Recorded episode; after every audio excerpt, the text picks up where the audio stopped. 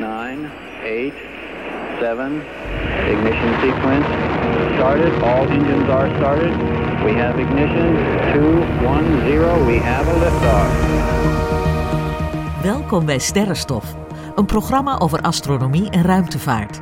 Met interviews, het allerlaatste astronomie- en ruimtevaartnieuws en de sterrenhemel van deze maand. Presentatie Anko van Hal. Ja, en hartelijk welkom iedereen. Leuk dat je weer luistert naar Sterrenstof 26, live vanuit het Albert Pierce in Amsterdam. In deze aflevering gaan we naar het universum luisteren, in mysterieuze geluiden en zelfs in muziek.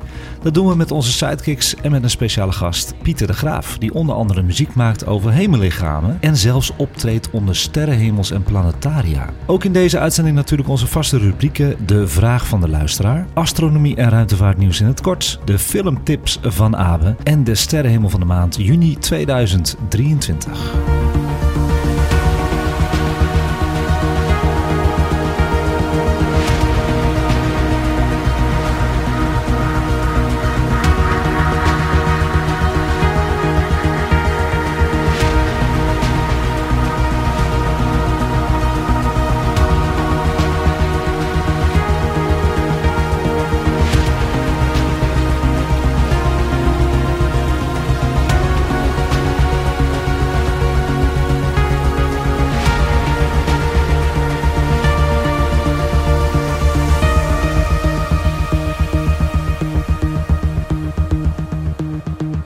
Welkom iedereen aan tafel. Goedemorgen allemaal. Hoe gaat het met jullie? Goedemorgen. Goedemorgen. Goedemorgen. Leuk dat jullie weer eh, aanwezig zijn bij een fonkelnieuwe aflevering van Sterrenstof. Abe, goedemorgen. Je bent eh, fris en fruitig, zit je erbij? Ja, dat gebeurt niet vaak, hè? Nee, we ik ben, moeten zit altijd hier vaak met een brakke kop.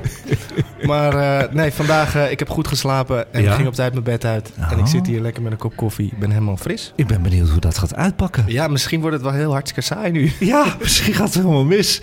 Maar toch leuk dat je er bent zo, op deze manier. Fris en Dankjewel. fruitig. Goed voor de foto zometeen ook, zie ik al aan je gezicht.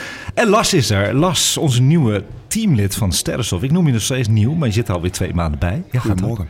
Ja, helemaal uit het zuiden van het land. Ja, flink stukje gereisd, maar eh, het is Ja. gelukt. Ja, hoe lang duurde over?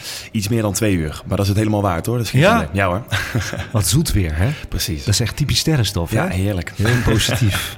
maar ook aan tafel natuurlijk speciale gast Pieter de Graaf. Pianist, componist, producer en arrangeur. Zeg ik dat goed? Heel goed, helemaal Ja. juist. Ben je wakker, Pieter? Eh, ja. Ja. Ja. Je hebt lekker koffie erbij ook. ja, die is al op zelfs. Dat was heerlijk. Daar zit je dan bij Sterrenstof Ja. met koffie en koek. Heerlijk. Is het wat je verwachtte? Ja, nou zeker. Tot, tot nu toe wel. Ja. Goed zo, goed zo. We gaan zo uitgebreid met je praten en introduceren. Maar voordat we gaan doen, en daar wachten de luisteraars eh, op, dat is een leuk rubriekje geworden blijkbaar. Wat hebben wij aan de hemel gezien van de afgelopen maand mei? Met wie zullen wij beginnen? Wat hebben we aan de hemel gezien? Abe, pak de microfoon erbij. Ehm, nou, ik heb meerdere dingen gezien, maar één ding wat ik echt wel heel eh, slik vond, om het maar Ja? even zo te zeggen, was die hele smalle manencirkel. Hmm. Die was echt heel goed gelukt deze maand. Daar heb ik een foto van gemaakt. Ja, die was echt mooi. Ja, dat vond ik ook. Ja. En, en- en mensen vonden hem eigenlijk helemaal niet zo indrukwekkend. Maar het was maar 28 uur na nieuwe maan. Kon je een klein sikkeltje zien. Het begin van de maanfase, zou ik maar zeggen. Eh, je kan hem bekijken op onze Instagram. En dan via de fotoknop. Ja, nee, ik heb jou volgens mij een berichtje gestuurd op het moment dat ik aan het kijken was. Ja, En helaas, ik had pech met de bewolking. Ja, de hele pech. lucht was helemaal leeg en op de plek waar de maan staat, waar, eh, was er bewolking. Dus helaas. dat is een beetje het probleem met de horizon. Hè? Dan worden de Ja. wolken een beetje gecomprimeerd. Dat ook. Ja. En dan heb je de horizon zelf met allerlei bomen. En dan moet je heel veel geluk nog hebben. En eh, nee, het zat niet mee. Maar ik vond het wel mooi op de foto bij jou om te zien. Dus dat is een heel klein flinterdun maansikkeltje. Dat is echt heel bijzonder is dat. Nog wat gezien, jongens? Nou, ik heb een poging gewaagd om Saturnus te zien, maar het is me niet gelukt. In de ochtend. Ja, maar ik, ik heb moeite met ochtenden. Nou, oké, Venus heb ik wel gezien. Ja. Ja. Je hebt toch Saturnus even genoemd? Ja. Ik heb Saturnus nog niet gezien. Nee? Nee, ik ben ook niet zo'n ochtendmens. Maar ik doe voor planeten heel veel. Venus, ja, niet te missen. Pieter, heb jij wat gezien? Want- ik ben heel benieuwd. Ik heb die vraag, leg ik nu bij je neer. Dus misschien schrik je ervan. Heb je wat aan de hemel gezien wat je van je denkt van nou... Ja, zeker. Eh, ik schrik daar ook niet van hoor. Gelukkig. Vind ik eh, leuk, want ik kijk eigenlijk altijd wel. Ja, Ehm, mag het ook twee dingen zijn? Mm. Ja, oké. zeker. Ja, nou, ik was eh, twee weken geleden bij eh, Anton Pannenkoek Instituut. Heb ik een concert gegeven en daarna hebben we sterren, eh, sterren gekeken. En ehm, toen heb ik Venus gezien. Ja. dat vond ik heel mooi. Maar het mooiste vond ik eigenlijk ook de maan. Alleen juist de dark side of the moon. Want Mm. toen ik keek was die niet super klein, dat smal. Maar ik vond het zo mooi. Die dark side of the moon, die zie je dan soms heel duidelijk. En dat vond ik heel mooi. En zeker omdat ik natuurlijk net een, eh, een track heb uitgebracht, ook de dark side of the Ja, moon. Dus fantastisch. dat was voor mij heel mooi om eh, te zien. Ja. Ja, leuk man. Dat klinkt goed. Ja, Venus, als je goed hebt gekeken, wil ik even op inhaken. Heb je de helft van Venus in? Hij is nu op de helft, de fase. Hij wordt in de zomer wordt hij wat aantrekkelijker voor de telescoop. Dan wordt het een sikkel, zoals de maan. Wordt heel vet. En dat andere, wat jij zegt als donkere kant van de maan, dat is eigenlijk gewoon de normale kant van de maan. Want de achterkant van de maan noemen wij de donkere kant van de maan. Die kunnen wij niet zien. En wat je Oh, dan ja. ziet, is dat asgrauwe gedeelte. En eigenlijk is dat aardlicht wat op de maan schijnt. Oh, dus wij ja. reflecteren de zonlicht op de maan. Oh, ja. En dat zie je. Maar dat is wel leuk om te vertellen, want dat is extra beleving voor, voor mensen ook. Als ze dat Ja. gedeelte zien, dan weet je dat het aardlicht is. ja. Grappig, hè? Mooi, ja. Ja. Lars, nog wat gezien? Nou ja, we hadden het even over de maan en over Venus. En ehm, nou ben ik best wel vaak s'avonds te vinden nog buiten of op de fiets of, of onderweg of wat dan ook. Ja. En de afgelopen dagen, zeker, het is een beetje de laatste paar dagen van mij, viel me echt op dat je heel mooi eerst de maan ehm, dicht bij Venus zag staan. Nou, Ja. die twee die zijn super fel, dus die zie je heel goed. En ik zag ze elke dag een beetje zo steeds verder uit elkaar. En toevallig gisteravond, toen was ik ook weer onderweg. En toen fietste ik eh, tussen wat weilanden door. En op een gegeven moment was ik op een hele mooie open plek. En dan zag je echt nou, de maan helemaal linksboven en dan Venus best wel verder vandaan. Maar dat was super mooi te zien. Er was verder bijna niks te zien, maar die twee zijn zo helder dan. Ja, vond ik heel mooi. Ja, samenstand. Dat is een hele mooie samenstand. Jij gaf me nog een foto met Pollux en Castor erbij. Ja, ja, zelfs die kon je nog best goed zien. Dus het was echt een... eh, ja, dat is het voordeel van toch net een beetje buiten de Randstad. Het is iets donkerder in Brabant. Nog steeds niet super goed. Maar op de plekken waar ik kom is het soms best, eh, ja, best goed te zien. Ja, en voor de luisteraars, Pollux en Castor zijn twee heldere sterren van het sterrenbeeld Tweeling. Precies. Heel leuk. Heb, heb jij nog naar Mars gekeken? Ik heb nog met Mars gekeken. Ik heb nog foto's gemaakt met Mars, Venus, Pollux en Castor en de maan zelfs. Dat heb ik niet gedeeld op Instagram, want eh, dat was met mijn iPhone gedaan. Dus dat vond ik... mhm. Maar ik ben wel naar het Koninklijke IJzer IJsinga Planetarium geweest eergisteren. Wat is dat? Het is het oudste werkende planetarium ter wereld. Er staan foto's op mijn Instagram. Heel leuk, het is in Franeker. En het is echt een aanrader. Het is maar een kleine kamer, al heel oud en het werkt nog steeds. Fantastisch met houtwerk en uurwerk en radars. En daarna hebben we ook nog erbij eh, geplakt het sterrenkijken in het Dark Sky Park Lauwersmeer. En het was super helder, zo helder dat ik eh, gewoon met mijn iPhone de grote beer heb kunnen fotograferen. Ja, dat is eigenlijk toch één vraag die ik wil stellen. Nou, Heb je de Melkweg kunnen zien? Nee, we zijn al een beetje te laat in het jaar. Die melkweg, die band, die kun je daar zien in het Lauwersmeer. Dat is het noorden van het land dan. Maar dat is meestal in de winter. We zitten eigenlijk nu al bijna bij de grijze nachten. Die zon gaat helemaal niet zo ver onder. Dat is balen. En die wolken, hè. Want als je de melkweg wil zien, moet het wel helemaal strak helder zijn. We gaan nog een keertje, maar dan in de winter. staat nog op het lijstje. Ja, zeker. Vraagje. Ja. Eh, de melkweg zitten wij toch ook in? En, en wat zie je dan? Want, want ik leef in de veronderstelling als leek dat als ik naar de sterrenhemel kijk, ja, dat ik eigenlijk al sowieso de melkweg dan zie. Het Melkwegstelsel, dat is een spiraalvormig sterrenstelsel. En in, de, eh, in het centrum van dat sterrenstelsel zitten veel meer compacte sterren op elkaar. En in de buitenwijken eigenlijk van die armen is het allemaal wat verder uit elkaar. En wij zitten relatief in de buitenwijken. En omdat we in, die, in dat spiraalstelsel zitten, is eigenlijk een soort schijf. En omdat we erin zitten, kijken we er vanaf de zijkant naar. Dus daarom lijkt het een strook. Ja. En omdat we naar het centrum kijken en daar is het feller en compacter, dus zie je een witte strook. Vandaar de naam Melkweg. Ja, ja. Ja, goed uitgelegd. Wat, wat, wat zo jammer is dat wij gewoon in de Randstad wonen. En waar eigenlijk overal in Europa kun je die band zien. In Frankrijk kun je het goed zien. In Duitsland ook. Dus ja, nou, we zitten op een slechte plek. Maar nogmaals, eh, tip dus, ga naar eh, de Dark Sky Park in Lauwersmeer. Erg mooi. Dan gaan we naar Pieter toe. Pieter, jij bent onze hoofdgast. Ik vind het ook een hele eer dat je er bent. Je hebt een nieuwe LP uit, dus gefeliciteerd bij deze. Hoe gaat het met de nieuwe LP? Dankjewel allereerst. En ik eh, ben vereerd dat ik hierbij mag zijn. Leuk. Altijd al een grote interesse en ik vind het leuk om daarover te praten. Eh, ja, album is eh, uit. Gaat hartstikke goed. Ja. althans, ik krijg goede reacties. En ik, vooral het belangrijkste, ik ben zelf blij met het resultaat van de muziek en de artwork en, en de tour tot nu toe. Dus ja, ben een blij mens. Ja. Mag ik wat vragen? Ja. Ehm, want eh nou, Anko heeft een soort van korte introductie al gegeven. Als ik naar de show toe kom, weet ik nooit waar het over gaat. Ik wist alleen dat we een gast zouden hebben. En dat ben jij dus, Pieter. Maar jij maakt muziek. Kan je daar iets over zeggen? Wat voor soort muziek je maakt en waarom je het maakt? Want ik, dat weet ik nog allemaal niet. Ja, zeker. Van huis uit ben ik pianist. En nog steeds. Uh, ik heb jazzpiano gestudeerd ooit. En uh, toen speelde ik eigenlijk al in heel veel bands. Daar toerde ik mee, bracht albums uit. En op een gegeven moment uh, merkte ik dat ik daar ongelukkig van, van werd. Omdat ik op tour en, en steeds hetzelfde liedje af, afdraaien. Dus ik voelde me creatief een beetje opgesloten. Uh, dus toen heb ik op een gegeven moment ben ik met alles gestopt. Toen heb ik mezelf een soort van opgesloten in mijn studio.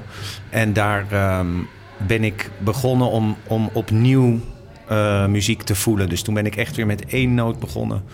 Want ik vond ook dat ik te veel noten speelde en dat ik heel veel zei zonder iets te vertellen eigenlijk, muzikaal. dus toen heb ik met mezelf afgesproken dat nooit meer. Dus toen ben ik heel vanaf het begin weer begonnen met één noot. En de muziek eigenlijk laten vertellen van, oh, daar moet nu een noot bij. En uiteindelijk kwam daarbij bij dat ik dacht, nou, ik wil een uh, zware bas voelen. Dus hoe ga ik dat doen? Nou, pedaal erbij kopen. Dus ik kon met mijn voet. Oh, ik wil dit dingetje op de piano door laten lopen. Nou, Ableton aangeschaft, een computerprogramma. Ehm, en zo is dat hele ding van mij uitgebouwd en nog steeds in ontwikkeling. Dus wat ik nu doe is eigenlijk, uh, er staat altijd een piano en daar doe ik van alles mee. Dus die prepareer ik en soms plak ik er tape op of sla ik er met een hamer op om er een kick uit te halen. En er staan synths om, synthesizers omheen. En, en mijn, mijn doelstelling is dus dat ik alles wat ik wil doen, wil voelen. Nice. En om even de link te leggen naar Sterrenstof. Jij zit hier omdat omdat mijn laatste plaat helemaal in het teken staat van... van uh, Oké, ja. superleuk. En daar gaan we het dus over hebben. Ja, dat is fantastisch. Ja. Oké, okay, nice. En uh, hij, hij mixte ook een beetje in onze uitzending. Want we gaan zo meteen naar geluiden luisteren uit het universum. En daar heeft hij wat mee gedaan. Dat komt er zo aan. Ik uh, doe al twee cliffhangers. Kijk, ik heb op je website gekeken. En er worden al dingen verteld over je LP. Je hebt hem op vinyl, hè? Heb je hem uit ook. Prachtige voorkant trouwens. Hartstikke mooi artwork. Dank. En er zitten nummers bij die heten Quasar, Nebula, Space Cowboy. Dat, uh, dat zijn wij allemaal hier eigenlijk. Eclipse, Asteroid Fuge, The Dark Side of the Moon inderdaad, wat je zegt. Dus dat zijn hele fijne nummers. Ik, heb ze allemaal geluisterd en ik geloof dat Las toevallig Pieter is tegengekomen op Spotify. Ja, dat klopt. Dat was heel toevallig. Ik, ik, ik, had, het er, uh, ik had het er vanochtend over. Ik denk een paar weken geleden, voordat ik überhaupt wist dat Pieter de gast ging zijn, toen zat ik op mijn Spotify gewoon te scrollen en toen kreeg ik een aanbevolen album en dat was jouw album. Hey. Oh, te gek. Nou, ik wist toen nog niet precies wat, wat is het, maar ik zie uh, um, de naam Retrograde van het album staan. En ik, dan moet ik gelijk een beetje aan ruimtereizen, et cetera, denken. Dus nou, ik denk, ik ga eens luisteren. Ook die cover uh, art, die zag er ook heel leuk uit. Dus ik ga gewoon eens luisteren en het was eerst een beetje kijken, oeh, het is een beetje bijzonder. En dat zeg maar in goede zin, want ik was verrast. Ik denk van, oh, dat vind ik wel leuk klinken eigenlijk. Ja. Nou, dus heb ik hem een beetje geluisterd zo en toen weer losgelaten. En toen heel kort daarna toen sprak ik Anko en die vertelde dat jij te gast was. En toen dacht ik in één keer, ja. een beetje toevallig zo uh, ja. ineens uh, dat dat voorbij komt. Maar dat is heel toevallig en wel heel leuk. Dus ja, wat grappig. Uh, ja. Maar ik was echt, echt meteen fan en toen dacht ik bij mezelf, ja, hoe komt dat nou? Nou, dat komt ook een beetje doordat ik LP's verzamel die te maken hebben met de ruimte. En ik heb hiervoor heb ik een LP, dat is The Music of Cosmos. Die laat ik ook wel zien op Instagram. Dat is een uh, LP uit 1981. In 1980 kwam een tv-serie uit. Dat heette Cosmos van uh, Carl Sagan. En die is echt heel populair geweest. En daar hebben maar liefst, ik even lezen, 150 miljoen tv-kijkers hebben die serie gezien. En die was zo populair dat er dus een soundtrack van kwam. Wat ik deed als klein jongetje, is dat ik deze LP op cassettebandje dan uh, overnam. En dan met mijn Walkman buiten bij het sterrenkijken ging afdraaien. Dat gaf zo'n extra laag in het sterrenkijken. En dat heb ik nou precies met jouw LP ook. Als je een goede science fiction film ziet, zonder muziek is het geen goede science fiction film. Nee.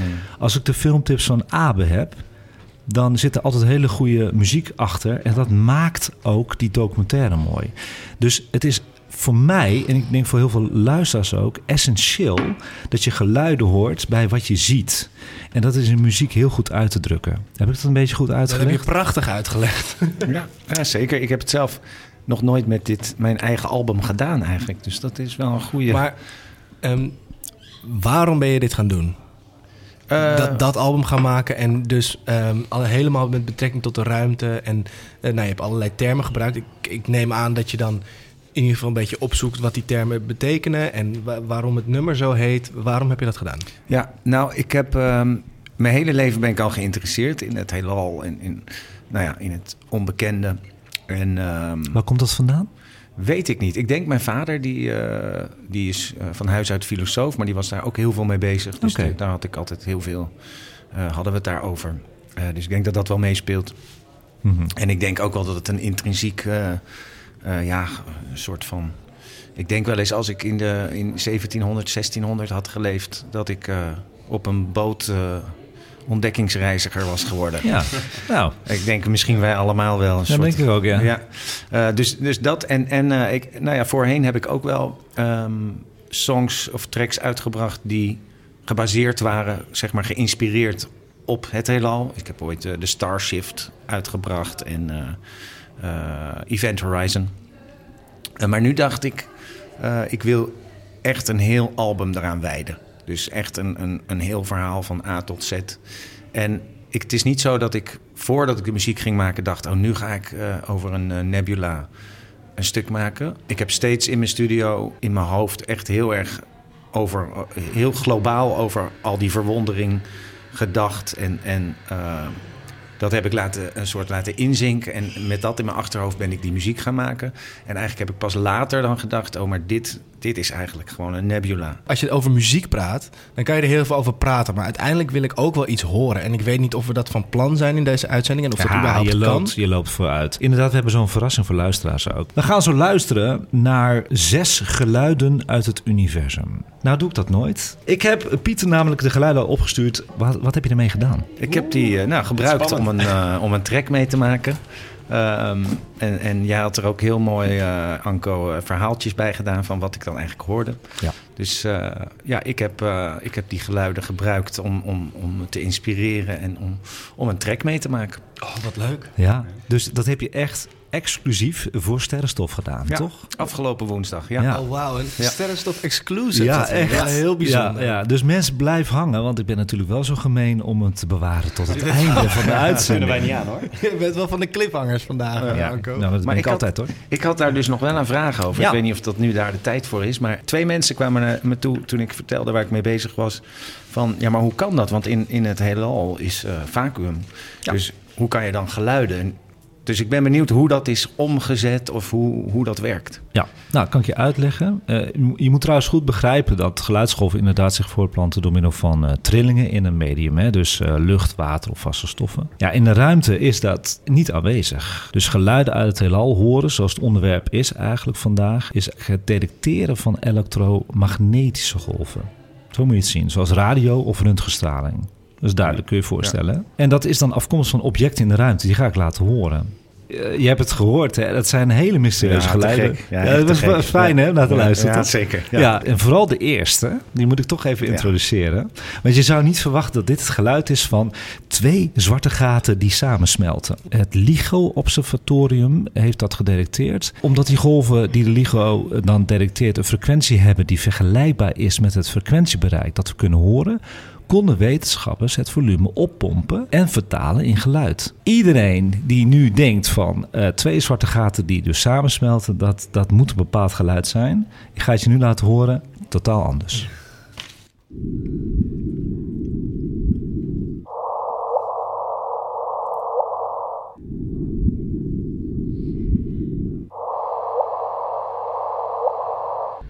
Zijn twee keer achter elkaar gezet, omdat het maar een kort fragment is. Ik wil niet stellen dat het een anticlimax is, want dat is het niet. maar, Ik wist het, ik wist het. maar ik moet heel eerlijk zeggen dat ik nog steeds niet zo heel goed weet wat... Je hoort iets en aan wat voor beweging je dat moet koppelen. Want je kan wel denken, oké, dat hoort bij twee eh, zwarte gaten die eh, bij elkaar komen. Ja. Maar verder hoor ik eigenlijk gewoon ruis met blubjes. Ja. En dat is precies wat je ook hoort. En daarom wil ik me ook echt in de uitzending hebben. Het is totaal iets anders dan dat je verwacht. En ik heb er een filmpje van gevonden. Oh, Dus die kunnen we allemaal gaan bekijken op YouTube, onze playlist. die zet je in de playlist. Jazeker. Chill, oké. dus Ja, dat, ja. Dat, wer- dat werkt misschien iets wat verhelderder. Ja, nou ja, het geluid is natuurlijk al heel bijzonder. Ja, ja, ja, dat zeker. En er zijn ook twee geluiden die Pieter heeft meegenomen. Dit is er één van, hè, voor Ja. de hè? Zeker. Deze vond je dus ook heel bijzonder. Ja. En waarom was dat? ja, een beetje wel hetzelfde. Ik had ook dit niet verwacht. Exact. Ik dacht ook, daar komt een mega Ja. bombastische...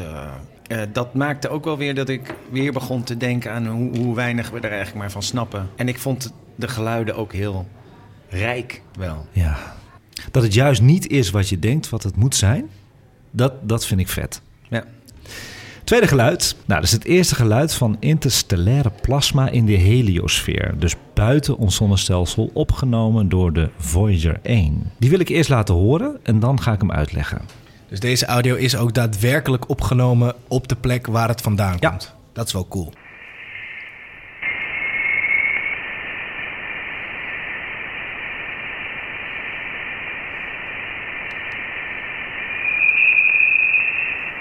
Dat is opgevangen door de plasmagolfapparatuur van Voyager 1 in 2012 en 2013. Wetenschappers denken dat de fluitende geluiden werden veroorzaakt door de dichte gassen en plasma rond de Voyager 1-zonde toen deze onze zonnestelsel verliet.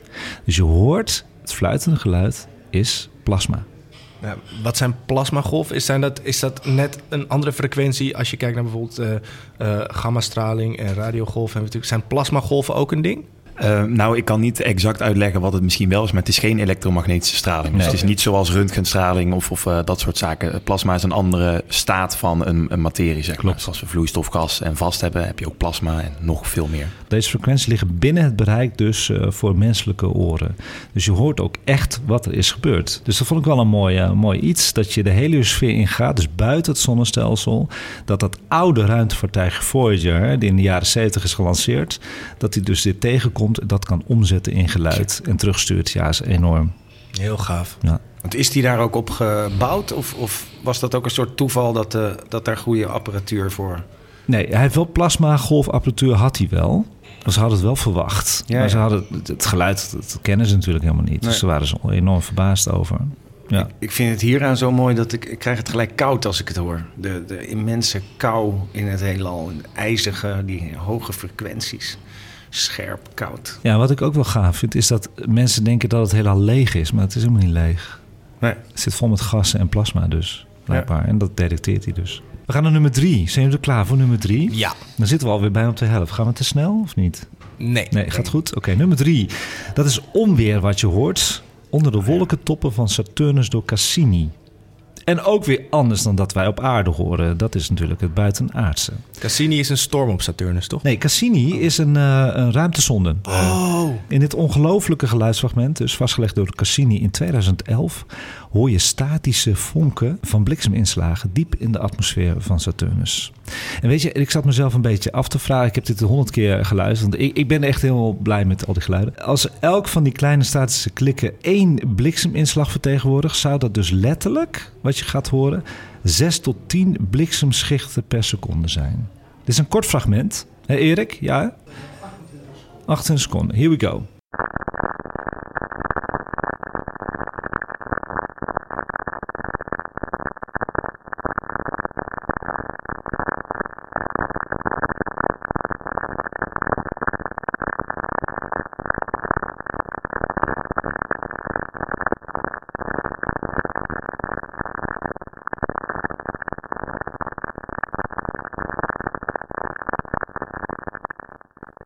...28 seconden blikseminslagen op zijn- Saturnus. Dat zijn er echt heel erg veel. Het gaat mij erom, kijk, dit, als je heel statisch gaat luisteren, gewoon vlak hè, naar de geluid, denk je, ja, nou ja, oké. Dat hoort ook op de radio, toch? Maar dit zijn echt blikseminslagen van Saturnus, jongens. Tja, Ja, ongelooflijk. Nee, super mooi. supermooi hè? Als je echt goed het laat dalen, toch? Ja. Klaar voor nummer vier? Ja. Zeker. Ja, jullie hebben er zin in. We gaan luisteren naar magnetisch veld van Jupiter door Juno-ruimtesonde. Je hoort wanneer de Juno-ruimtesonde de grens van Jupiters enorme magnetische veld passeerde in 2016 en daarna terechtkwam in een bouwshock. Dat is een term. Wat is nou een bouwshock? En oh, dat is dus vertaald een boogschok. Wanneer de zonnewind de magnetosfeer van Jupiter nadert, zoals ook de zonnewind de aarde nadert, worden de deeltjes afgebogen en ontstaat er een schokgolf aan de voorzijde van de planeet. Deze schokgolf staat bekend als boogschok, oftewel bouwshock. Je kunt een beetje vergelijken met de boeggolf die wordt gevormd voor een bewegend schip in water. Zo moet je het voorstellen. En, hoeveel miljoen kilometer was dat ook alweer? De boogschok van Jupiter bevindt zich inderdaad, want jij hebt het inderdaad voorgelezen, je hebt het al gehad, Ja, ja. eh, is op een afstand van ongeveer 3 tot 4 miljoen kilometer voor de planeet. ongelooflijk. Zo groot is de planeet Jupiter natuurlijk ook dat het ook miljoenen kilometers al voor de planeet gebeurt.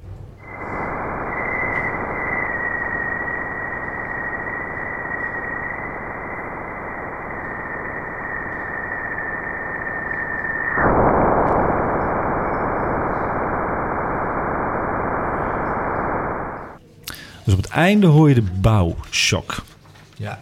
En, en weet je ook of zo'n ehm, magnetische schok invloed heeft op zo'n eh, op zo'n proop? Nee, heeft helemaal geen invloed gehad. Daar is erop gemaakt, zo'n be beest, zo'n ding is erop gemaakt. Ja, alle ruimtezonden die eh, dus voorbij de aarde gaan, die zijn gemaakt voor. Ja, er zijn onwijs veel straling in Ja, de tuurlijk, ruimte. ja. Kunnen ze hebben? Sick. Ja. Wat ze niet kunnen hebben is land op Venus. Dan smelten ze gelijk. Gaan we naar nummer 5. Weer een planeet, jongens. Maar dan in interactie met Saturnus en zijn maan.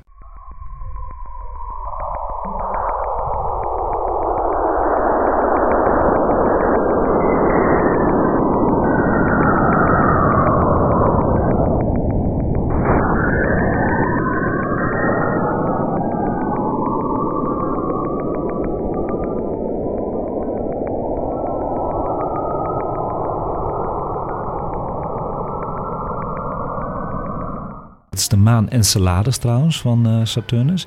Die twee hebben dus gewoon communicatie met elkaar. En dat hoor je. En wat, wat je hoort zijn weer plasmagolven. En omdat ze dus met die, met die zwaartekracht bezig zijn, heb je die magnetische straling bij elkaar en plasmagolven worden omgezet dus weer in geluiden. En je hoort echt die twee hemellichamen met elkaar communiceren. We hebben dit niet of twee maanden geleden of een maand geleden ook zo'n soortgelijk soort fragment. maar met een andere maan. Ja, Ja, maar dat is toch fantastisch. ja daar heb ik heel veel reactie op gehad. Ja. Dus ik, ik kwam deze tegen en denk, nou, why not? We gaan er nog eentje doen. Dus dat betekent eigenlijk kun je dus eh, vaststellen dat elke planeet interactie heeft met zijn maan, met zijn satelliet. De aarde ook. De aarde in principe ook, maar ik heb daar geen geluid van gehad. Oeh. Waarschijnlijk zit er weinig plasma tussen de maan en de aarde dan. Ze, ze zijn natuurlijk allebei niet heel groot. Dus nee, nog misschien- geen gassenplaneten Nee, natuurlijk. ja. Maar misschien dat we het wel een keer op kunnen zoeken. Ja, het, is, het is wel boeiend. Misschien kunnen luisteraars dat Ik weet, naast dat die geluiden natuurlijk heel erg eh, een beetje science fiction klinken, Ja. is het idee dat planeten of, of hemellichamen met elkaar communiceren, is natuurlijk, is natuurlijk heel vet om over na te denken. Ja. Ja. Maar ik zag ook echt voor me die, die Saturnus, die mooie ringplaneet met die Enceladus. Trouwens een mooie maan ook hoor, die Enceladus. En dan zie ik dan echt met elkaar communiceren. Ongewild of gewild, dat weet ik Mhm. niet. Ja, ik heb ook echt het idee dat je dat hoort in het geluidfragment. Je hoort zo'n soort, ja, een soort whoosh die de hele tijd herhaalt. In een soort, dan zie ik ook echt die maan Ik om die planeet draaien. En je hoort heel zachtjes dat getik ook Ja. een beetje op de achtergrond. Dat lijkt een beetje alsof ze een soort morsecode of zo ga ik dan in mijn hoofd halen. Het Ja. is echt een, je, ja, je, voelt, je hoort gewoon, ik dan tenminste, dat het echt met elkaar in een soort harmonie is of zo. Ik kan, ik kan me wel voorstellen dat jou dat als muzikant ontzettend soort van. Ik weet niet, dat er allemaal dingen bij je naar boven komen. Van, oh, hier, dit kan ik ermee doen, dit kan ik ermee doen. soort van, wa- wat gebeurt er bij jou als je dit soort dingen hoort? Nou, zeker, zeker dat. eh, ehm, het inspireert natuurlijk omdat het heel... eh, het is niet gegoten in een bepaalde vorm. Wat wij mensen allemaal hebben Ja. hè, in de muziek. eh, alles is in, in bepaalde ja, kwadratuur noemen we dat. Eh, maten en Ja, en ja, vormen. bepaalde En- en dat is hier- ja, en dat is hier helemaal niet, niet eh, in vragen. Dus eh, dat, dat maakt het heel mooi. Het is heel vrij. En, en, en, en ik vind bij dit fragment heel tof dat je ook hoort... wat jij ook al een beetje zei, van het is heel... Je hoort dat het druk is daar. Ja, ja, ja precies. Toch? je hoort dat van er heel alles veel gebeurt. En eh dat kan ik me ook bij Saturnus voorstellen. Met al, al die manen. Die heeft heel veel manen, toch, geloof ik? Ja, hij heeft heel veel manen. De meeste van, eh, van het zonnestelsel. En als je dan zo'n, zo'n, nou ja, bijvoorbeeld dit geluid hoort, weet je wel, met eh, verschillende aspecten als, oké, we luisteren naar een planeet en diens maan, eh, we horen interactie, het is plasma, zeg maar allerlei verschillende aspecten die je eruit kan halen. Eh, wat pak jij daaruit om, om iets mee te kunnen doen? Ja, dat is heel verschillend. Soms eh, ge- gebruik ik het geluid en ga ik... eh, want ik doe dit met meerdere onderwerpen. En dan ga ik gewoon... Dan zet ik dat aan en dan ga ik muziek maken. En, en het idee laat ik verder los. Ehm, maar met dit soort dingen is het natuurlijk heel mooi om dat idee ook mee te nemen. Dus bijvoorbeeld hier ho- hoor je ook een soort... Wat ik net hoorde is een hele zware... eh, een zwaar aspect. En daar stel ik me voor dat dat dan Saturnus zelf is.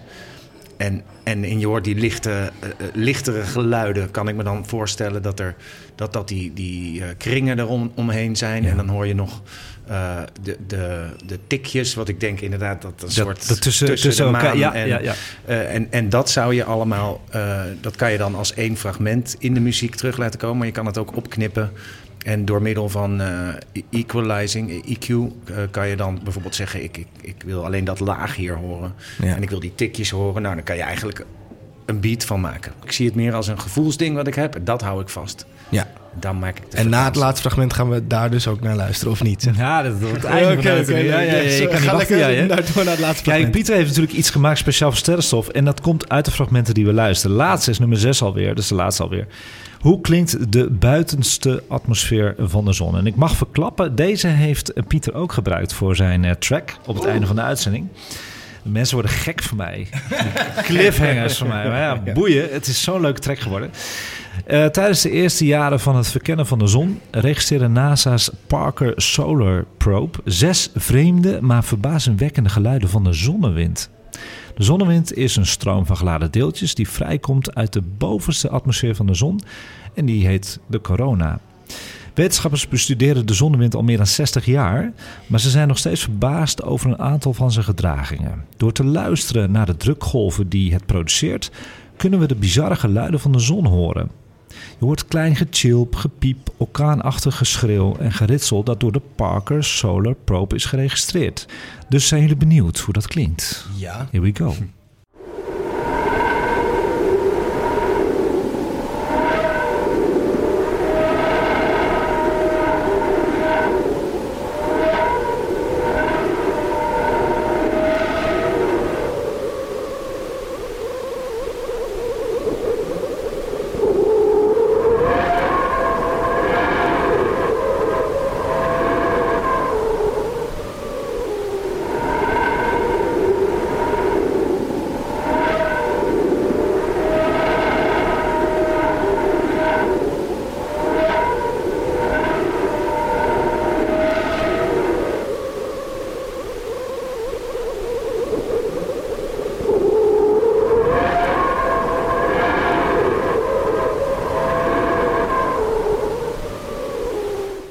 Ik hier zo ontzettend vet aan vind, is dat we sinds mensenheugenis de zon associëren met leven en licht en, Ja. en, en warmte. En hier hoor je gewoon hoe die eigenlijk alles kapot maakt. En wat gewoon voor dodelijke straling dit, jongens. terror, Ja. terrorgast het is. Het is zoveel onrustiger. Je hoort zo, er gebeurt van Zoveel. alles. Dit klinkt ook inderdaad wat jij zegt. Het klinkt helemaal niet, ja, het is wel heel warm, maar het, het klinkt heel koud en ijzig. En Onvriendelijk. heel, ja, een Ja. beetje vijandig. Is het ook natuurlijk, hè? En daar kunnen die ruimtesondes trouwens heel slecht tegen. Dus dat, dat zijn echt de, de, de, de meest sterke die er naar de zon gaan. Die, die naast Parker Solar Probe, dat is een hele sterke geweest... maar die heeft heel veel last gehad van die straling. Die is heel dichtbij gekomen natuurlijk. En daarom heeft hij deze prachtige opname kunnen maken. Gebruikt door Pieter ook. Maar iemand zegt, ik hou van het geluid van de zon. Dat is een van de populairste geluiden. Eh, ik ben een muzikant en het klonk net als een synthesizer... die zijn geluid maakt met behulp van twee analoge oscillatoren. Klopt wel een beetje, hè, Pieter? Ja, zeker. Je hebt deze gebruikt. Je hebt twee eh, geluiden gebruikt. Eh, het samensmelten van de zwarte gaten. De opmerkelijk geluid natuurlijk, die eerste. Ja. Waar we veel over gepraat hebben. En eh, de laatste, eerste en laatste. En die kunnen we luisteren zometeen aan het einde van de uitzending. Heb jij een anderhalve minuut track gemaakt. Een beat track, hè, zelfs. Ja, er zit een beat in. Ja, ik wist ook van tevoren niet wat eruit zou, zou komen. En of het dan nog heel veel met de fragmenten te maken heeft, weet ik dus van tevoren niet. Maar Ja. uiteindelijk geloof ik daar dus wel in. Stel je het nou echt uit tot het einde van de uitzending? wel. En ik ga overigens ook echt nog wel die andere fragmenten ook eh, gebruiken. Want ik vind het veel te leuk. Ja. Dus ik ga nog meer tracks eh, maken. Wat is jullie favoriete geluid geweest van deze afgelopen zes? Nou, ik, ik, ik denk toch die zwarte gaten, want ik kende hem toevallig al. Dus ik wist al wat er ging komen. Omdat het zo'n groot contrast is met wat Ja. we ervan denken. We denken aan een zwart gat altijd alleen maar aan heel veel geweld en vernietiging. En in zekere zin is dat misschien ook wel zo, maar het heeft ook een soort... ehm, ja, een bepaalde ru- rustgevendheid wil ik misschien niet zeggen. Maar als je ook beeld ziet in dat filmpje van Ja. die zwarte gaten, hoe ze samen gaan, is het echt een soort dans die heel rustig lijkt te gaan. En dat gaat met een hele hoop krachten. Maar dat, juist die, die rust die daar omheen lijkt te hangen, vind ik heel fascinerend. Ja. En jij, Abe? Mm, nou, ik denk uiteindelijk wat ik toch wel het meest bijzondere vind... zijn die, die geluidsfragmenten die bin- met planeten binnen ons zonnestelsel. Want nou, volgens mij heb ik dat vorige keer ook gezegd, maar... ehm, ze, worden, ze gaan ineens leven en Mhm. ze komen ineens een stuk dichterbij. En, want normaal gesproken, als je filmpjes kijkt of di- dingen erover hoort, dan je kijkt alleen naar de buitenkant van zo'n planeet Ja. en het wordt heel oppervlakkig. Letterlijk. Je Ja. kijkt naar de oppervlakte. Ja. Ehm, en dat is prima. En je, je, je hoort allemaal wetenschapsdingen erover. Hartstikke leuk. Mm. Maar zo, op zo'n manier, dan krijg je... Het geluid gaat ook echt... Dat gaat bijna door... Je, hoort, je ontvangt het met je oren, maar het gaat door je hele lichaam als je zo'n... En dat Precies is, dat. En dat is zo bijzonder aan die geluiden van die planeet. Het gaat leven en je voelt het. Als je je ogen dicht doet, voel je het van top tot teen dat zo'n planeet bestaat en bijna ademt zowat. Ja. En dat vind ik zo cool aan die geluidsfragmenten. Dus Ja. de zon, we- we- wat was die met die maan? Wat was Ja, ik heb die twee ook. Ik heb, Oh ja. de, de, de twee favorieten van mij zijn... eh, niet om... eh, want Abe en ik praten ook eigenlijk nooit na. De zon, corona, vind ik een mooi geluid. En de Saturnusmaan interactie met Enceladus. Dat is mijn favoriete geluid. En de zwarte gaat is mijn meest opmerkelijk geluid. Daar heb ik het meest onderzoek naar gedaan. En Pieter, ja, dat weet wel van Pieter natuurlijk. Ja, ik denk uiteindelijk die zon is mijn favoriet. Ja. Omdat ik denk, ja, ik weet niet, die, die is zo dichtbij eigenlijk qua dat je hem meemaakt vaak. Ja. Als in warmte en je ziet hem duidelijk. Eh, maar dan besef je weer hoe weinig we ervan afweten. En hoe, ja, wat ik net al zei, hoe verschrikkelijk, eh, verschrikkelijk die eigenlijk is. Ja, ja, nee, maar het is ook zo. Ja, dat is een hele mooie. Jongens, jullie kunnen kijken naar This is What the Universe Sounds Like op de aanbevolen door Sterrenstof playlist op YouTube Sterrenstof. Dan gaan we naar de vraag van de luisteraar en die is ingesproken door Dennis Heijmans. Hey Sterrenstofteam. Ik heb een vraag over eh, het onderzoek naar exoplaneten. Want zover ik weet worden die planeten pas gevonden met het lichtverschil in sterren. En ik hoor dan toch dat er onderzoek wordt gedaan naar de samenstelling van de atmosfeer van zo'n exoplaneet. Hoe wordt dat gemeten? Hoe wordt dat gerekend? Of is dat gewoon een hele goede schatting? Benieuwd naar jullie antwoord. Ja, de atmosfeer van exoplaneten. Ik kan er wel wat over vertellen. Ik heb het natuurlijk uitgezocht. Maar heeft iemand een idee? Kan iemand al wat... Kijk, we hebben natuurlijk ook Lars bij ons tafel eh, zitten. En dat is een oud sterrenkundige eigenlijk, toch? Nou, die titel zou ik niet aan willen nemen. Nee, nee, ik dat vond het zo leuk maar- om te zeggen. Ja, nee, dankjewel. Alsjeblieft. Ik kan er wel iets over vertellen. Ik denk dat jij nog meer... Ja, een, vul ik wel eh, aan. eh, Vind ik wel leuk precies. zo. Ja, wat, wat, de, wat hij ook vertelt in zijn vragen. Eerst inderdaad hoe we exoplaneten eigenlijk ehm, ja, eh, meten of eigenlijk detecteren is door de transitmethode. Ja. eh, waarin een planeet voor zijn ster langs gaat ten opzichte van ons. En dan kunnen we zien dat die lichtsterkte van die ster heel klein beetje afneemt gedurende een periode. En dan wordt het weer sterker. Dus dan weet je dat er iets voor die zon moet langs bewegen of die ster. En zo kun je dat zien. Ja. En hoe we nou die atmosfeer eh, kunnen detecteren, dat is een relatief nieuwe techniek. En dat heeft te maken met spectroscopie. En we kunnen op die manier kunnen we ehm, eigenlijk eh, door spectra te vergelijken van bepaalde ehm, gassen, of, of ja, eigenlijk vooral gassen, dat kunnen we hier in laboratoriums meten. We kunnen een spectrum pakken van een, van een gas. Je hebt het over lichtspectrum, toch? Ja, Lichtspectrum. ja, precies. En ehm, eh, dat lichtspectrum dat gaat inderdaad van, helemaal, van links helemaal naar rechts. En bepaalde materialen die hebben eigenschappen waardoor er eigenlijk streepjes in dat spectrum komen. En dat, nou, dat noem je met moeilijke woorden absorptielijnen of emissielijnen. Ja, dat, zijn, dat ja. zijn zuurstof, methaan en koolstofdioxide onder Ja. andere. Ja. Nou, d- dat technische kun je een beetje aan de kant laten. Maar je kunt eh, in dat spectrum kun jij bepaalde patronen eigenlijk zien die eh, uniek zijn voor een bepaald gas. Ja. En die kunnen we detecteren eigenlijk eh, in de atmosfeer van die andere planeten. En als we zien dat die, eh, dat spectrum overeenkomt met een bepaald gas wat we hier hebben gemeten in een laboratorium. En we zien dat die spectrums hetzelfde zijn, of spectra. Dan kun je dus eh, constateren, het is dat materiaal of dat gas in dat geval. Ja, goed uitgelegd. En wat doet de James Webb-telescoop? Precies dat. Die heeft ook twee camera's. Die heeft de Near Infrared Imager en Slitless Spectrograph, afgekort de NIRIS. En wat hij ziet is bepaalde golflengte. Inderdaad, wat jij zegt, Lars. eh, Die golflengte worden gebruikt om te kijken wat de atmosfeer inderdaad is van zo'n exoplaneet.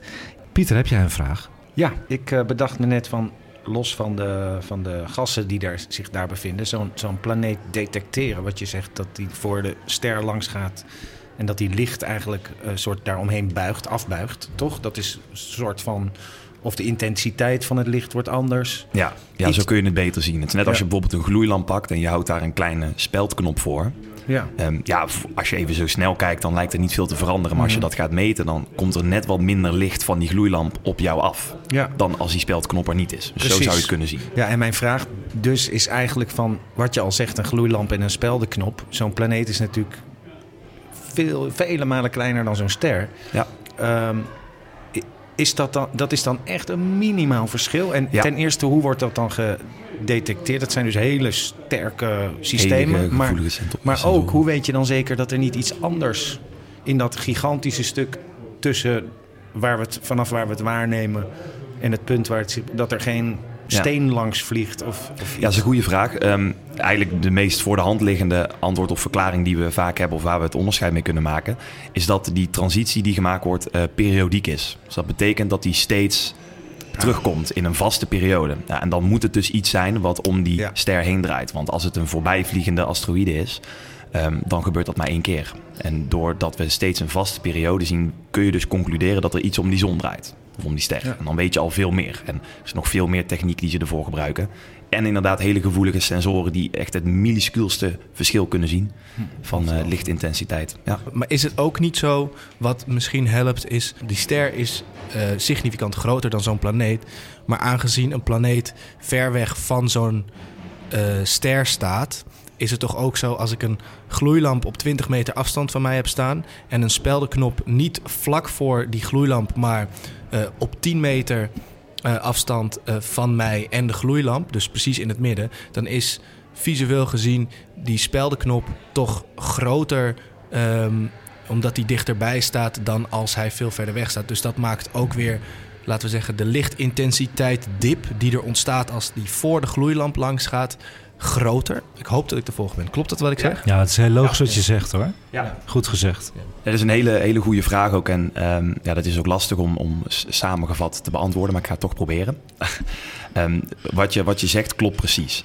En, en wat, het, um, wat het is, er zijn heel veel verschillende scenario's mogelijk. Hè. Er zijn heel veel sterren met exoplaneten. We hebben er al duizenden ontdekt. De ene staat heel dichtbij, de andere staat heel ver weg. De grootte van die exoplaneet die telt mee, maar ook de grootte van die ster telt mee. Er zijn allemaal verschillende verhoudingen om die transitie um, te kunnen detecteren, moeten wij ten opzichte van dat stelsel ook nog op de goede plaats staan. Mm. En want als wij net een beetje naar boven of naar onder staan, dan lijkt in perspectief die planeet niet meer voor de ster langs te gaan. Dus daar moet je ook nog geluk mee hebben. Ja.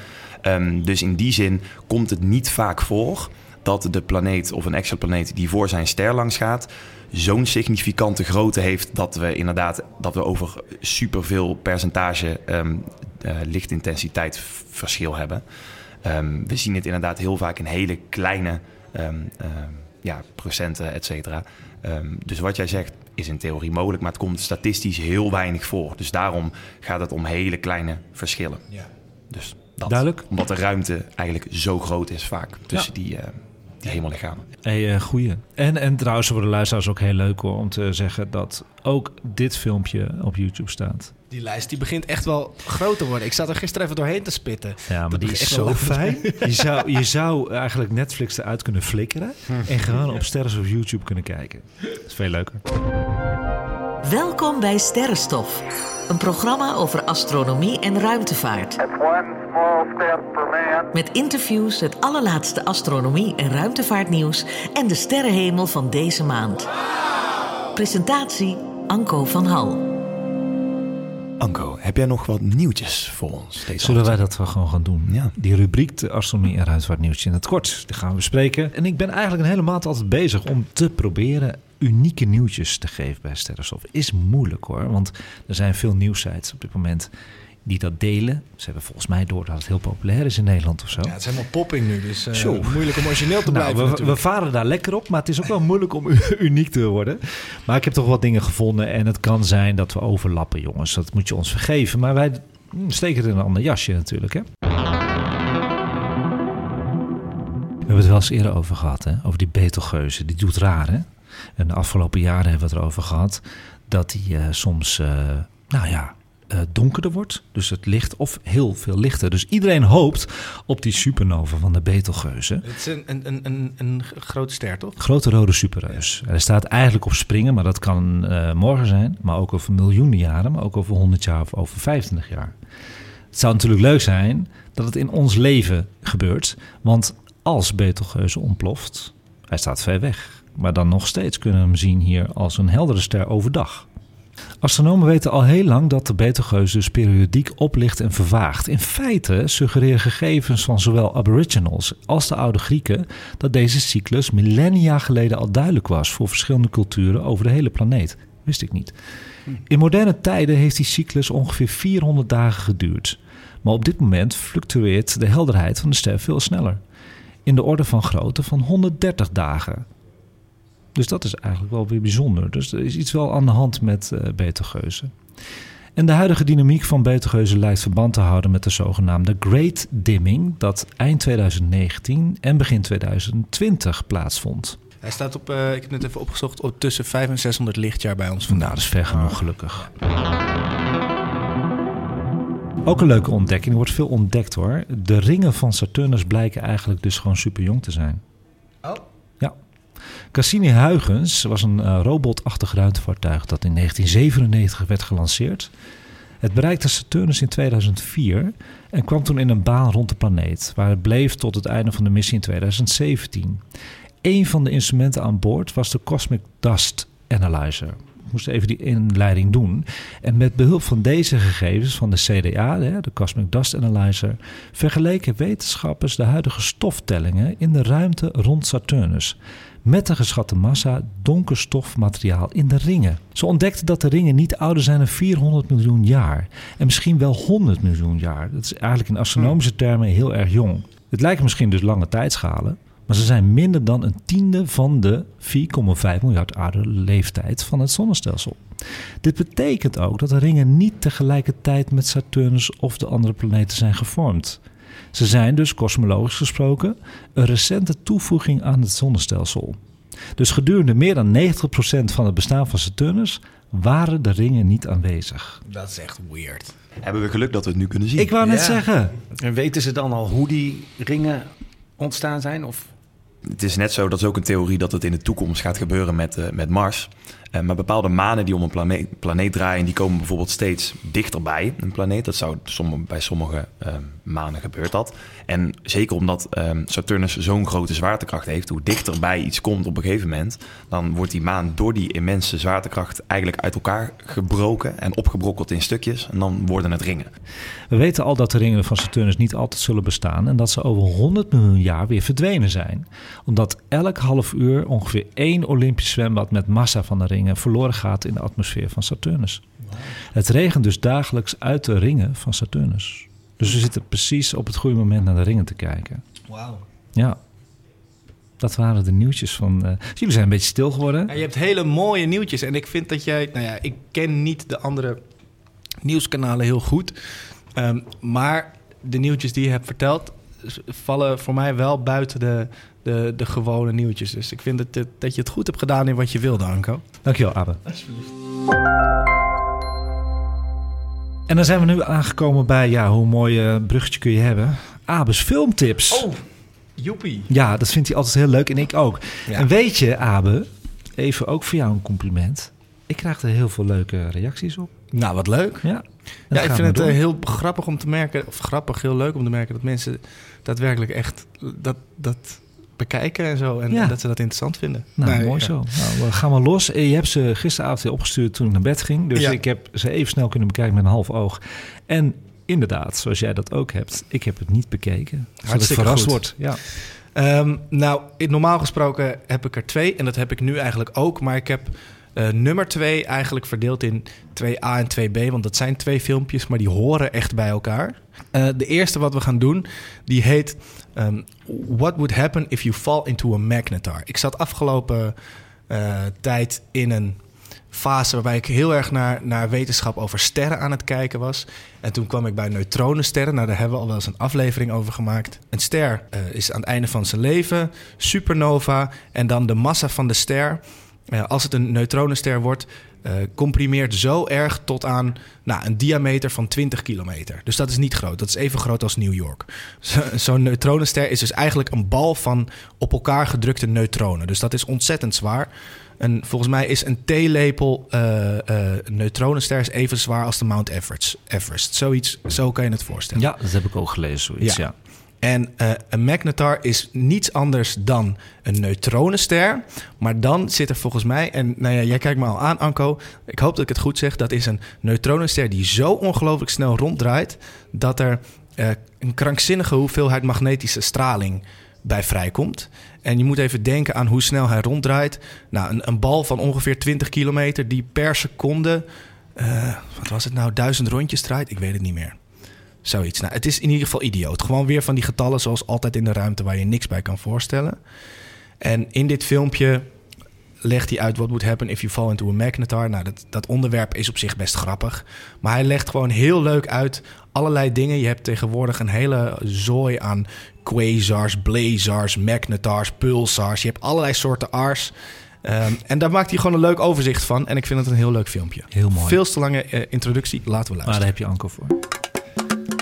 One of my favorite videos on this channel is the one where I ask what would happen if you fell into Jupiter. The answer is it would be bad. It would it would be very bad. Don't don't do that. I like it because it shows just how crazy Jupiter is, how far outside of our experience Jupiter is, and how you can watch a human being get turned into a burnt potato. And that's always fun.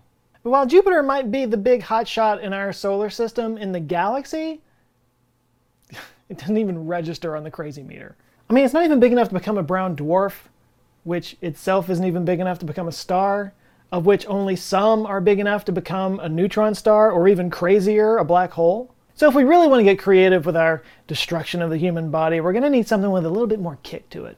So, what would happen if you fell into a magnetar? There's no shortage of extreme objects in our universe, and after a while, the names start to just sort of blend together. You know, black holes, pulsars, quasars, blazars, magnetars. Are these stars or DC villains? If all of these start to sound the same, it might be because they're all basically variations on the same mind blowing concepts. Let's start with black holes. Nou ja, hij legt dus even, dit is van Joe Scott, moet even gezegd worden. Het is gewoon een heel lekker filmpje, duurt 20 minuten, waarbij hij al deze fenomenen aanhaalt. En dat is gewoon heel lekker om naar te kijken. Eh, nog één leuk ding wel om te noemen over neutronensterren. Wat ik zei, het zijn allemaal hele gecomprimeerde ehm, atomen bij elkaar. En vaak zijn dat, is dat waterstof en helium.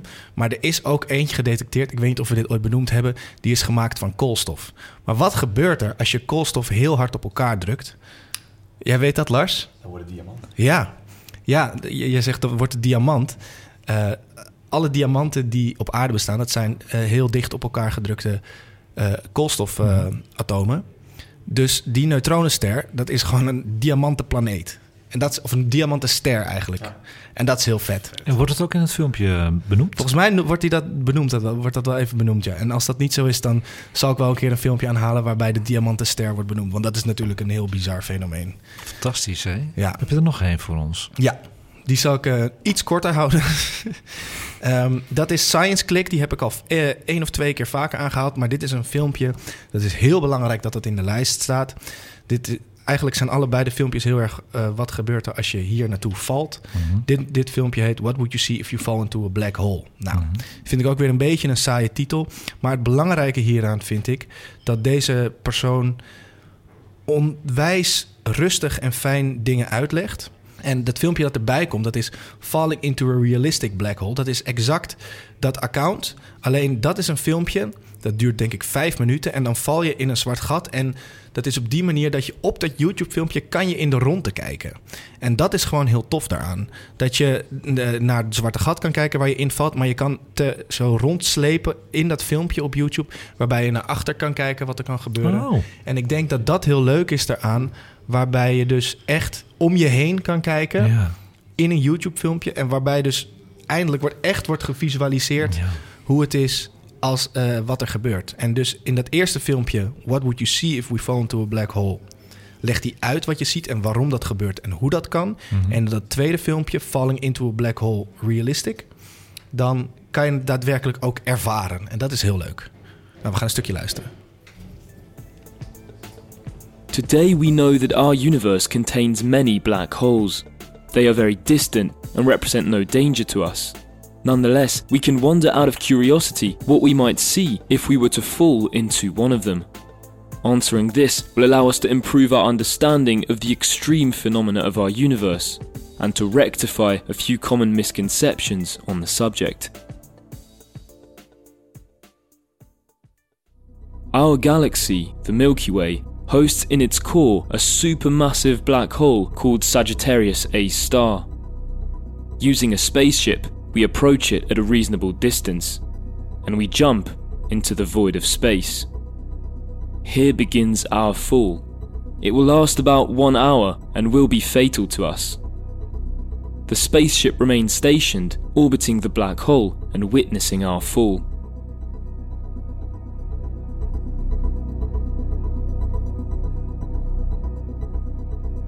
Before we even start falling, we run into a problem. The black hole is supermassive. Its gravity equates to a mass millions of times greater than the Sun. With such an attraction, it captures stars and surrounding matter, forming a thick disk of plasma that orbits around it. Nou ja, ja, Ik zit er al helemaal in, hè? er zit helemaal in. Hij vertelt hartstikke spannend, leuk, tens muziekje daarachter. Ah, goed bezig. Dus dat is een hartstikke leuk filmpje. Dus ja, het bestaat uit twee delen. Eentje waar hij uitlegt wat er gebeurt. En het andere filmpje waar je daadwerkelijk de handeling als het ware kan uitvoeren en om je heen kan kijken. Nou, ik vind het eh, een onwijs leuk filmpje waarbij je dus ook ergens kan klikken en kan doen. Eh, mooie tips, Abe. Dankjewel. Ja, jij hebt een, eh, een afspeellijst op eh, YouTube. En dat is volgens mij de aanbevolen... Door Sterrenstof. Aanbevolen door Sterrenstof. Eh, je kan bij playlists kijken op het eh, YouTube-account van Sterrenstof. En dat is Sterrenstof Nieuws. ja, dat is op, als je dat opzoekt op YouTube, naar de playlist gaat, aanbevolen door Sterrenstof, dan staan er alle filmpjes die en jij aanraadt, die, af, die af en toe, maar ook de filmpjes die ik eh, hier in de opnames bespreek. Zeker. En dan haken we even aan eh, bij dit naar Las toe. Las die maakt filmpjes voor Sterrenstof exclusief. En welke filmpjes zijn dat en in welke regelmaat doen we dat? Nou, je kunt een aantal verschillende video's verwachten. En op dit moment zijn we bezig met, eh, met twee per maand. Ja. En er is één vaste serie die we nu hebben. En dat heet Sterrenlicht. Klopt. En dat zijn eigenlijk, ehm, ehm, dat is een video van een aantal minuten waarin we wat highlights van de eh, podcastaflevering van de afgelopen maand gebruiken. Eh, dus dat kunnen dingen zijn als de sterrenhemel van de maand, maar misschien ook kijkersvragen of luisteraarsvragen moet ik natuurlijk zeggen. Ja. Ehm, en dat soort, ehm, dat soort dingen. En daarnaast kun je verschillende video's verwachten als in ehm, bijzondere ontdekkingen, nieuwtjes, eh, waar kun je het beste sterren kijken, dat top, soort zaken. Top 5 van... ja, eh, top van- 5 gekste planeten, et cetera, kom, Ja. eh, allemaal jullie kant op. Goed zo, jongen. En eh, in het begin van de eerste week dus, hè, als we de podcast net releasen, komt eh, een paar dagen later komt Sterrenlicht uit. Juist, En in de tweede helft van de maand komt het bijzondere filmpje uit. precies. Dankjewel, Lars. Alsjeblieft. Hartstikke leuk. En we zijn begonnen met de uitzending natuurlijk, eh, wat we allemaal hebben gezien aan de sterrenhemel van de maand. En dat is ook het laatste onderdeel alweer van de podcast. En we gaan kijken naar de sterrenhemel van juni. Ja, dat kan, want ik heb een sterrengids bij me. Dat is de sterrengids van Stip Media. En die wordt uitgegeven ook door het maandblad Zenit. Die hebben wij gekregen als eh sterrenstofteam hè, in december. En daar staat gewoon elke dag in wat we kunnen zien. Eigenlijk is elke dag, jongens, een evenement aan de hemel. Wat ik dan doe, ik haal dit erbij en ik haal de leukste dingen eruit. En die vertel ik bij Sterrenstof. En dan gaan we sterren en planeten kijken vanuit je tuin, balkon of vakantieadres. Want we zitten bijna in de zomervakantie. We gaan naar de sterrenhemel van de maand juni 2023. En we beginnen altijd met de planeten.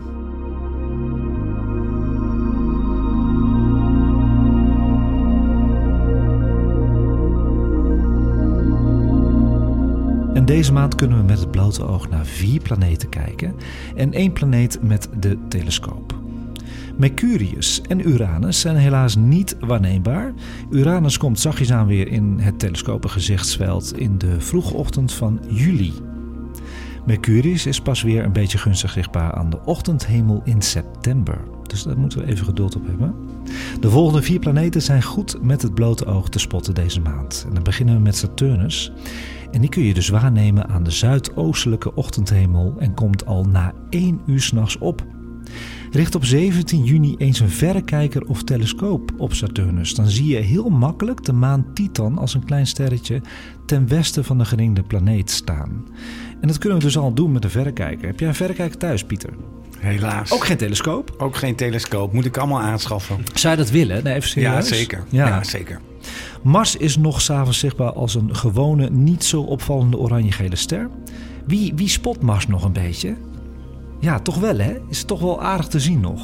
En een andere kleur aan de hemel. Zien jullie dat ook? Goed zo. Hij gaat steeds vroeger onder, deze maand rond middernacht alweer. Maar er komt iets moois aan. Op 2 juni staat Mars midden in de opvallende open sterrenhoop M44. Met een verrekijker of telescoop is dat weer prachtig waar te nemen. En je ziet dan de planeet omringd door talloze sterretjes. Echt leuk hoor, dat is zeldzaam. Hij gaat dus leuk, ja. midden in een sterrenhoop staan. Ja. En is hij, hij is nog steeds rood-oranje dan, neem ik aan. Hè? ja, weet je wat het is? Omdat hij dus nu verder van de aarde staat, eh, gaat de kleur een beetje vervagen. Dus het is een beetje geel, net oranje. Toen hij dicht bij de aarde stond, kon je best wel een beetje rood Ja, zien hoor. heel Ja. erg. Was mooi hè? Ja. In december was dat. Mis ik wel. Nou goed. De grootste planeet van ons zonnestelsel Jupiter is weer waarneembaar. Was even een maandje weg. Een goed moment om de planeet weer te vinden is dit keer dus aan de ochtendhemel, is op 14 juni. Dan staat de smalle maansikkel zeer dicht bij Jupiter op een afstand maar van 2 graden. Ik denk, ik zit Lars aan te kijken, dat wordt een filmpje. Hè? Dat gaat in het filmpje Ja, komen. dat moet wel. Ja. Bekijk deze mooie conjunctie. Conjunctie is samenstand rond 4 uur 's ochtends. Ja, heftig, 's ochtends. Ah joh, dan, dan ben ik nog wakker. Dan ben je nog wakker? Dat gaat wel lukken? Oké. 14 juni, hè? Heb je het opgeschreven, Abe? Abe die, die tikt altijd mee in zijn agenda. Hartstikke goed. Nou ja, Venus, jongens. Zijn we Venus aanbeland. Dat is niet te missen. Eh, hij is op 4 juni precies als een half verlicht schijfje te zien. Zoals de maan dat is. We noemen dat de dichotomie van Venus. Heb ik net pas ontdekt. Ik leer ook veel hoor. Dichotomie, op de helft. Op deze datum staat Venus dit jaar ook op de grootste afstand van de zon. Ze gaat overigens nu wel steeds vroeger onder. Eind juni is dat alweer rond middernacht. Maar de planeet is nog niet op haar helderst. Kun je je niet voorstellen, maar hij gaat nog helderder worden. En dat gaat eind van de maand gebeuren van min 4,3 naar min 4,7. En Pieter is hier net, en sommige luisteraars schakelen ook net in. Dus hoe meer je in de min gaat van de magnitude, hoe helderder dus het object aan de hemel. Weer wat geleerd. Je had geleerd. Eh, waarom wordt hij helderder? Weten jullie dat? Eigenlijk een heel simpel verhaal. Heeft het te maken met de fase? Nee, ju- nee, juist niet. Oké. Ja, die fase die wordt dus een sikkel. Dus eigenlijk wordt Ja. hij donkerder, hè? Ja, Nee, hij, wordt, hij komt gewoon heel dicht bij de aarde. ja precies. Dus zelfs die sikkel, Ja. die gaat heel veel helder licht opleveren. De open sterrenhoop M44 krijgt net als Mars ook bezoek dus van Venus. Want Venus en Mars staan best wel dicht bij elkaar. Dit gebeurt op 13 juni. Kijk, Venus staat niet zoals Mars er middenin. Dus minder aantrekkelijk. Maar er staat er net rechtsboven. Maar nog steeds fotowaardig. Bekijk dit trouwens wel weer even met een verrekijker of telescoop. Je moet niet verwachten dat je met het blote oog M44 kan zien. Dus doe daar wel een verrekijkertje op. Kijk, een telescoop aanschaf is gewoon wat duurder als je een goede telescoop wil hebben. Dus eh, misschien is het handig om gewoon een verrekijkertje aan te schaffen. Kan ook bij Ganymedes. Wat valt er nog meer te zien aan de hemel in juni? Nou, dan kijk ik Abe aan. Want wat is er weer terug? Oh, zijn de, is, is er weer een regen? Ja, we Nice. krijgen weer een meteorenzwerm. We gaan de goede kant op. En dit zijn de Junibootiden. Wel eens gezien, Lars? Nee, Nee. maar wel bekend. Wel bekend, hè? Ja, het is, het is, niet, het is een relatief kleine zwerm in vergelijking met andere bekende zwermen. Maar ik vond het wel leuk om even te noemen, want er kunnen dus wat oplevingen komen. Dus het Waar staat Bootiden voor? Boötus, het sterrenbeeld Boötus. En kijk, als een, een, een sterrenregen een naam krijgt, dat betekent dat ze dus uit een bepaald sterrenbeeld lijken te komen. Ja, zo. Ja. Ja. eh, De Junibootiden worden veroorzaakt door de passage van de aarde door de baan van de komeet 7P Pons-Winnecke. Nou, die naam mag je weer vergeten, maar we gaan dus door de staart van een komeet. Deze komeet heeft een omlooptijd van ongeveer 6,37 jaar rond de zon. De piekactiviteit van de Junibootiden vinden meestal plaats in de tweede helft van juni. Nou, dan hebben we nog iets leuks in juni. En dat zijn de lichtende nachtwolken. Heb ik wel eens eerder over gehad. We doen natuurlijk eh, sterrenstof doen we al twee jaar. En elke keer kom ik terug op de lichtende nachtwolken. En wat zijn dat nou precies? Eh, ze staan ook wel bekend als noctilucent clouds. En dat zijn ijle wolken die zich op een grote hoogte in de atmosfeer bevinden. Ze zijn meestal zichtbaar gedurende zomermaanden, in de late avond en vroege ochtend. Wat ze nou zo bijzonder maken, is dat ze oplichten wanneer de zon onder de horizon is gezakt en de nachtelijke hemel dus al helemaal donker is. Dus je ziet gewoon wolken s'nachts oplichten. En deze wolken bevinden zich op een ongeveer 80 kilometer boven het aardoppervlak in de mesosfeer. Dat is het derde en hoogste gedeelte van de atmosfeer. Dus het is heel hoog. Ze bestaan voornamelijk uit ijskristallen die zich vormen rond microscopische stofdeeltjes zoals meteorietstof of vulkanische as. En kun je dit nou zelf waarnemen met het blote oog? Ja, wie heeft dat wel eens gezien, de lichte nachtwolken? Ja, volgens mij wel. Ja. Maar ja, nou, ik weet niet of ik, het, of ik het over hetzelfde heb, maar wel dat wolken gewoon best wel...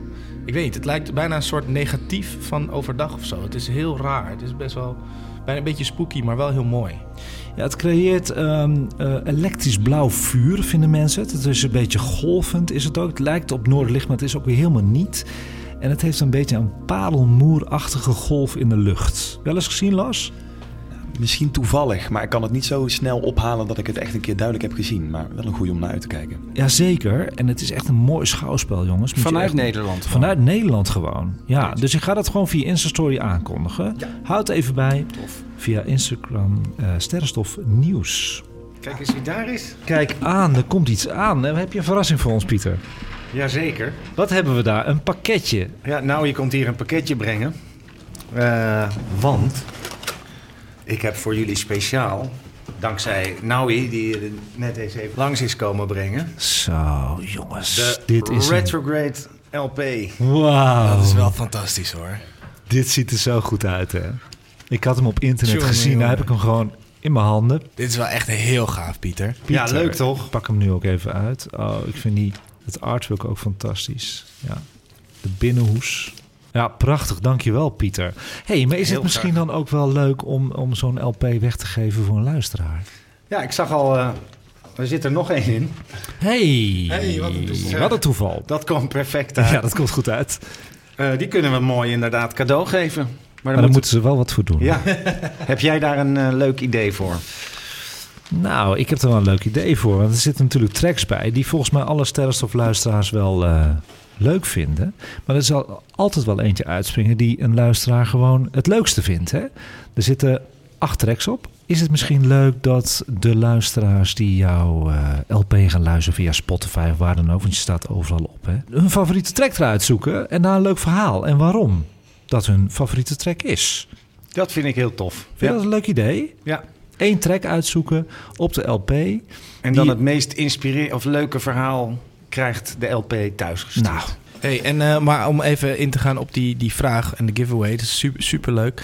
Het, het gaat er natuurlijk denk ik niet om dat mensen denken, oh, eh, dat mag. Het kan zijn van, oh, wat heb je dit mooi gecomponeerd, want dit en dit en dit. Maar het kan ook zijn, het doet me denken aan dit en dit, want ik heb dit verhaal meegemaakt. En Het mag echt alles zijn, toch? Ja, Het hoeft absoluut. niet muzikaal onderlegd te zijn, gewoon als het een interessant verhaal is. Zeker weten. Whatever it is, eh, d- juist dat is heel tof. En, en eh, waar dat dan over gaat, dat eh, is aan de persoon zelf, lijkt me.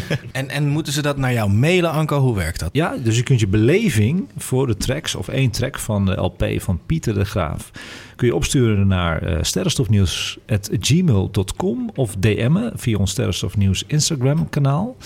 En al die reacties stuur ik direct door naar Pieter en die gaat uitzoeken wat hij het mooiste vindt. Dat lijkt mij het meest logische. Wat is de deadline? Deadline is een goede van je.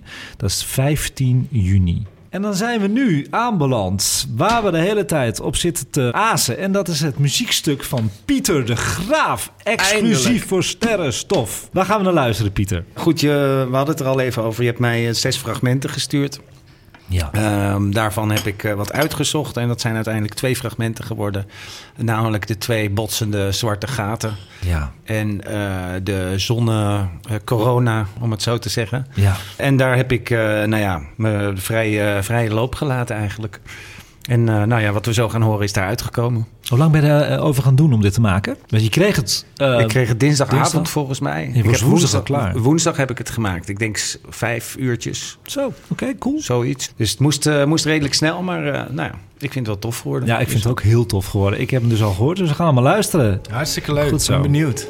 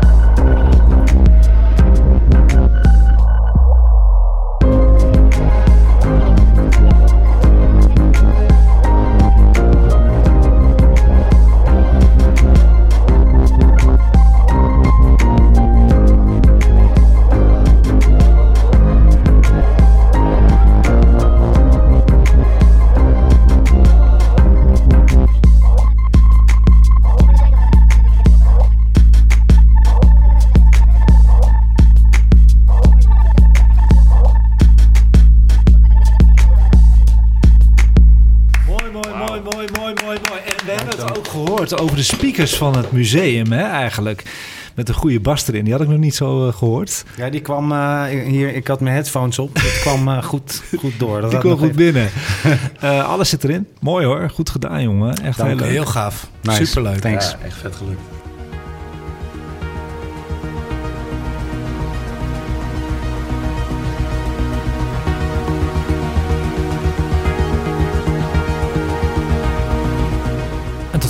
Sterrenstof voor de maand juni 2023. Live vanuit het Allerpiersend Amsterdam. Was duidelijk te horen, want het was druk.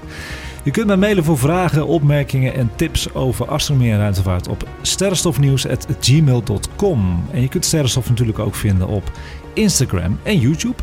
Met de hele maand door nieuws en updates en eigen gemaakte films. Volg ons op Sterrenstof Nieuws. Terugluisteren kan altijd via alle bekende podcastplatformen. En deze podcast werd mede mogelijk gemaakt door Ganymedes Optische Instrumenten te Amstelveen. De telescoopwinkel momenteel van Nederland. En dan wil ik bedanken Abe, Las en Pieter voor de medewerking van deze leerzame en gezellige aflevering weer. Dankjewel jongens. De techniek was in handen van Erik. Dankjewel Erik. En de heerlijke koffie werd weer verzorgd door het café Allet Pierson. Iedereen bedankt voor het luisteren en voor het anoniem doneren aan onze sterrenstof voor je pot. Dat waarderen wij enorm. Tot de volgende keer weer en kijk eens wat vaker omhoog.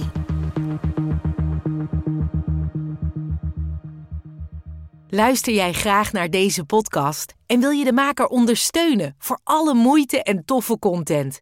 Geef dan, als je wat kan missen, een digitale fooi. Dat doe je via fooiepot met een d.com zonder abonnement of het achterlaten van privégegevens. Dus fooiepot met een d.com.